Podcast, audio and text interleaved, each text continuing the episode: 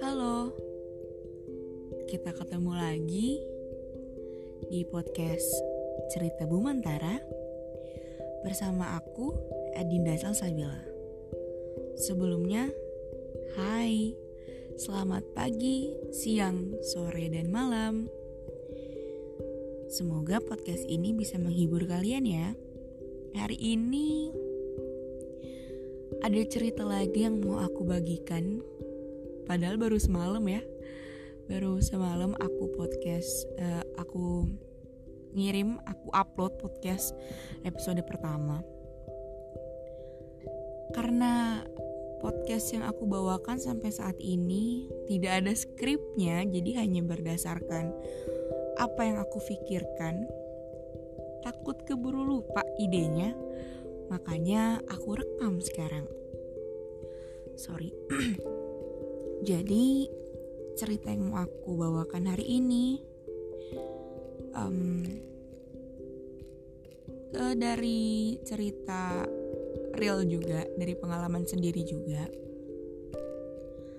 yang bisa dibilang sebenarnya trauma. Walaupun uh, kisah percintaan itu menurut psikologi yang pernah aku tonton di YouTube itu tidak bisa digolongkan sebagai trauma. Tapi rasa sakitnya membekas banget sih di aku. Dan karena cerita ini pula, aku menyadari bahwa kita harus mencintai diri sendiri dulu sebelum akhirnya mencintai orang lain. Karena diri kita sendiri tuh nggak akan pernah meninggalkan kita. Mau mau mau se, se gimana rusak pun kita kita nggak akan pernah bisa ninggalin diri sendiri. Berbeda kalau kita cinta sama orang lain. Siapa pun dia tanpa terkecuali pasti dia akan pergi. Entah itu untuk sementara atau selamanya. Entah itu pergi ke tempat yang berbeda atau dunia yang berbeda ceritaku kali ini um, menyimpan luka yang cukup besar bagi aku. Tapi karena dia aku belajar cara mencintai diri sendiri tadi. Aku belajar caranya berhati-hati dalam memilih pasangan. Tidak perlu terlalu buru-buru. Karena dia aku juga belajar aku harus um, menjadi diri sendiri untuk dicintai oleh orang lain. Gitu. Um, jadi cerita ini sebenarnya sudah uh, pengalaman ini sudah berlalu cukup lama hampir dua tahun yang lalu. Tapi perasaan sakitnya masih belum bisa aku lupain. Oke awal ceritanya itu tentang hmm, aku ketemu laki-laki ini di salah satu aplikasi cari jodoh ya. Adalah pokoknya aku nggak perlu sebut nama aplikasinya. Um, awalnya aku uh, aplikasi itu aku install cuman untuk iseng-iseng aja karena pada saat itu tuh lagi lagi booming banget gitu di kalangan teman-teman aku dan kebetulan teman-teman aku juga ngomong coba aja lo install aplikasinya. Siapa tahu nemu cowok ganteng gitu. Kita anak SMA ya kan waktu itu penasaran pengen tahu gitu. Akhirnya memutuskan untuk oke okay deh nggak apa-apa gitu. Gue jadi tumbal. Pada saat itu aku ngomong gitu ke temen. Sorry. Terus ya udah akhirnya aku install nggak berapa lama kemudian ada yang ngechat gitu Sampai akhirnya aku ketemu satu cowok ini dia ngechat aku dengan awalan Hai jodoh. Wah, kayak beda ya gitu. Yang lain ngechat pada Assalamualaikum ya kan.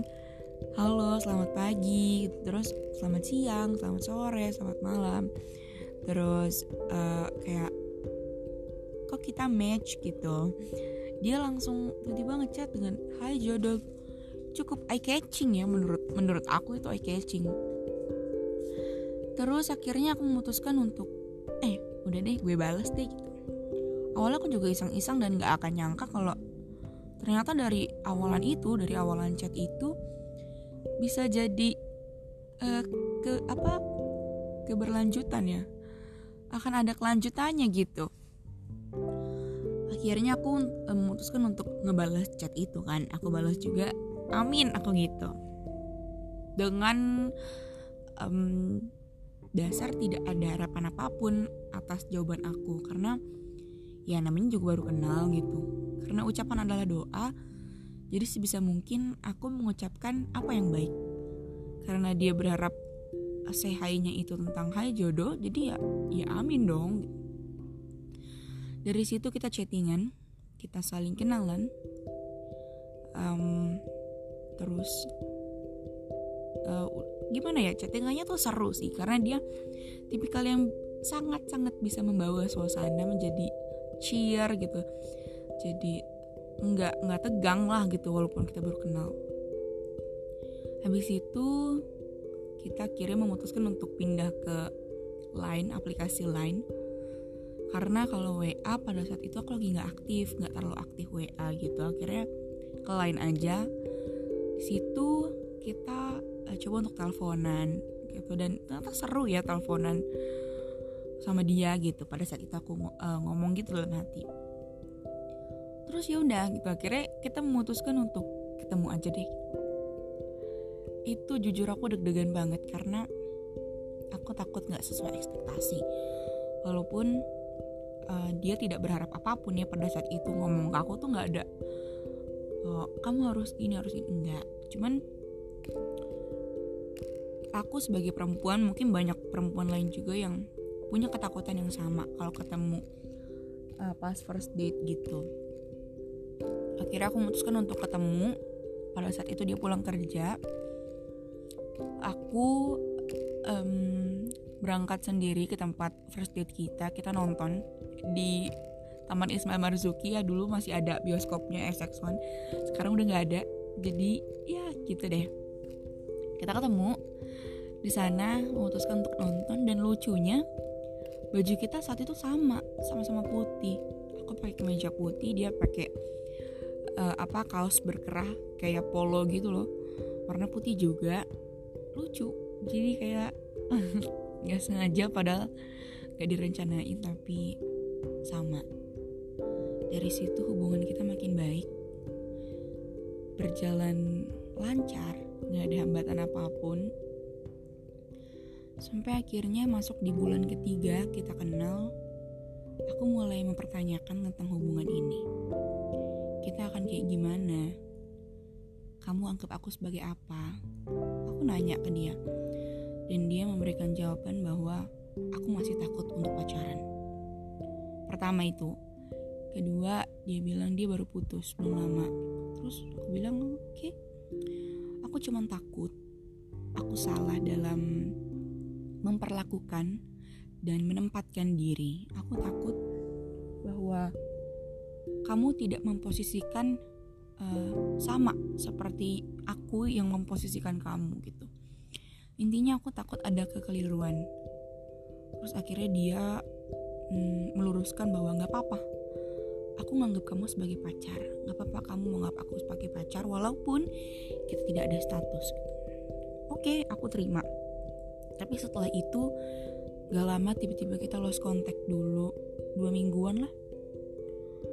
Aku nggak tahu alasannya apa tiba-tiba dia nggak balas chat aku. Terus dia nggak pernah nelfon lagi gitu. Aku nggak tahu kabar dia sama sekali terus tiba-tiba chat lagi dia bilang maaf kamar aku banyak kerjaan. Aku resign dari tempat kerjaku dan memutuskan untuk um, apa masuk ke tempat kerja yang baru. Dia bilang gitu. Terus aku bilang that's okay nggak apa-apa. Kamu punya kesibukanmu dan aku punya kesibukan. Aku ngomong kayak gitu. Cuman ternyata um, itu adalah celah untuk dia mencari wanita lain. Setelah dia ngechat aku itu aku belum ada firasat apa-apa, aku belum ada kepikiran bahwa kayaknya dia udah punya cewek deh, enggak. Kita masih berjalan baik selanjutnya sampai di bulan ketujuh, berarti empat bulan setelah lost contact itu, um, temennya nikah dan dia minta aku untuk temenin aku yuk kondangan aku dengan senang hati karena sebelumnya aku belum pernah ya deket sama cowok terus dia ke kondangan ketemu teman-teman aku belum pernah. Dan aku seneng banget aku excited banget sampai aku memutuskan untuk beli baju baru beli rok baru beli heels baru beli sepatu baru beli make up bener-bener yang aku mau mempersiapkan semuanya dengan matang biar nanti kalau dia memperkenalkan aku kepada teman-temannya dia nggak malu. Aku mikir gitu terus gini aku banyak melakukan kegiatan positif yang sebelumnya belum pernah aku lakukan sama mantan aku. Dan sama dia aku ngerasa kayak he's the one gitu. He's the one. Tapi aku salah karena ternyata aku terlalu dalam memasukkan dia ke hati.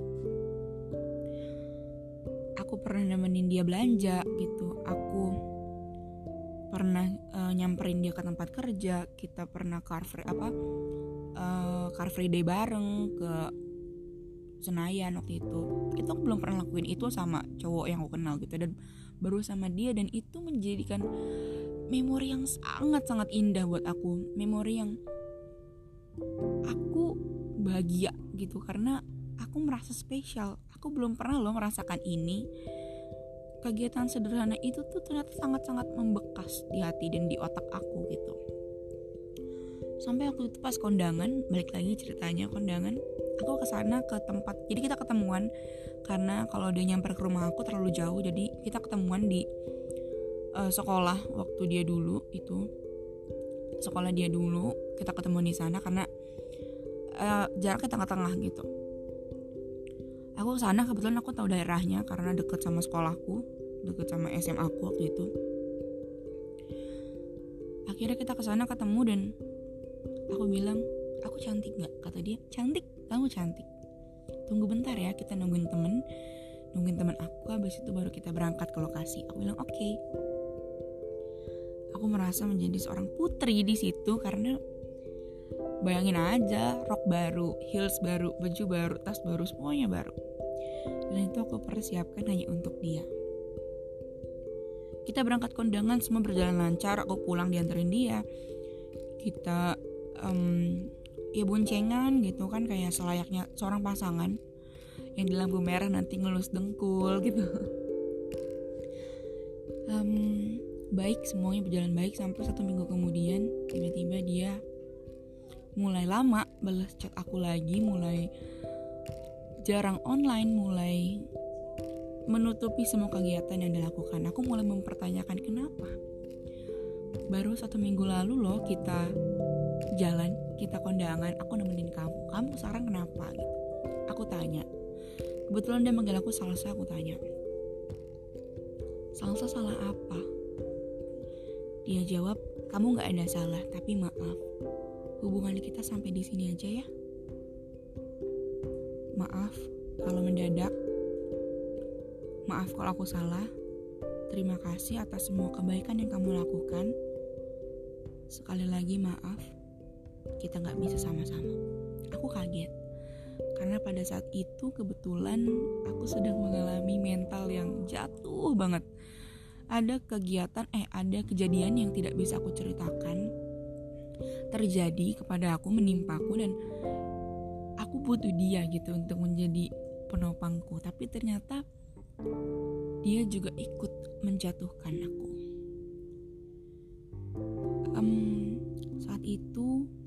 aku udah dapat notif itu subuh subuh pas mau mandi berangkat sekolah terus yang aku lakukan aku hanya duduk.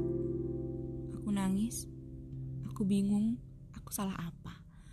Aku mulai menyalahkan diriku sendiri. Aku mulai um, apa ya menusuk kenyataan bahwa aku yang salah. Aku kurang aku ini aku itu intinya melihat bahwa dia pergi karena aku yang tidak baik aku yang kurang cantik aku yang tidak body goals aku yang tidak good looking aku yang tidak good attitude. Gitu yang aku yang aku tangkap itu.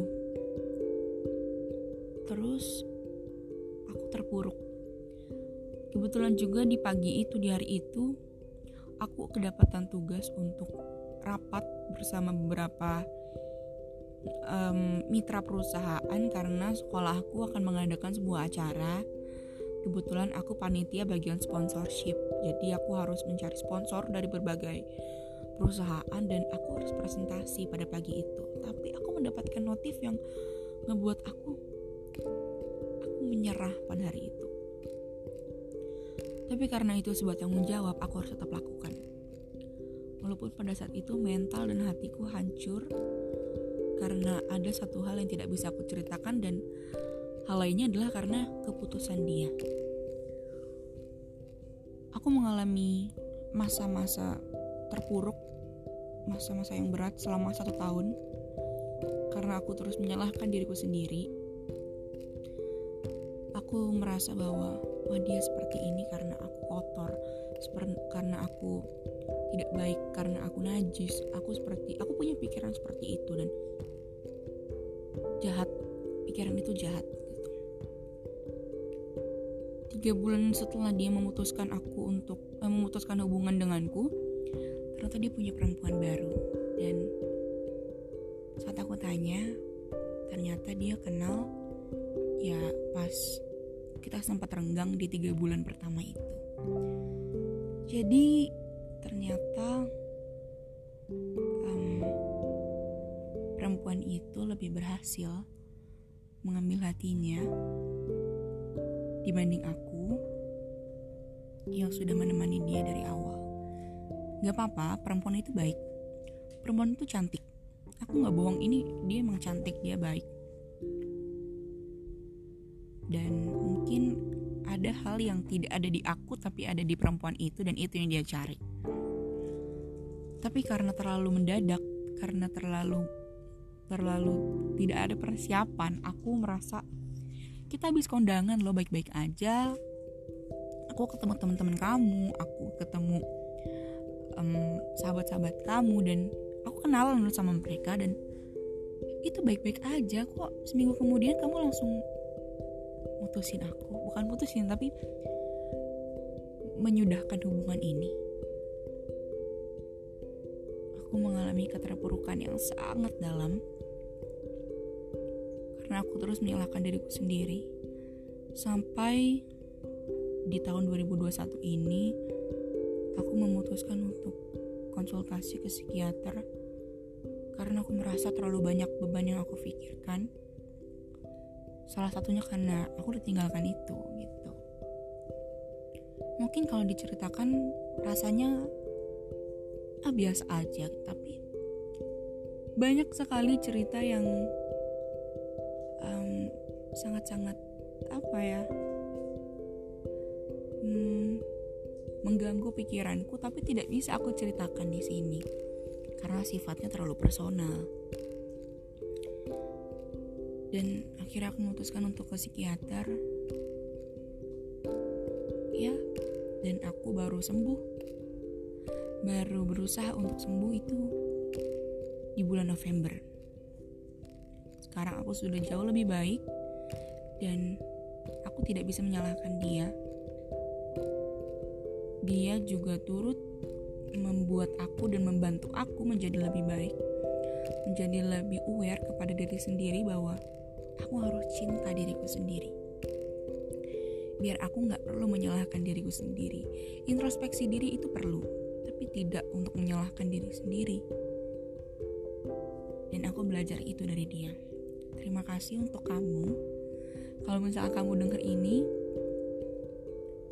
halo, Terima kasih karena kamu aku belajar banyak hal, karena kamu aku mengerti tentang diriku sendiri. Aku mencintai diriku sendiri saat ini. Semoga kamu bahagia dengan siapa pun nanti ke depannya. Oke, sekian cerita Bu Mentara hari ini.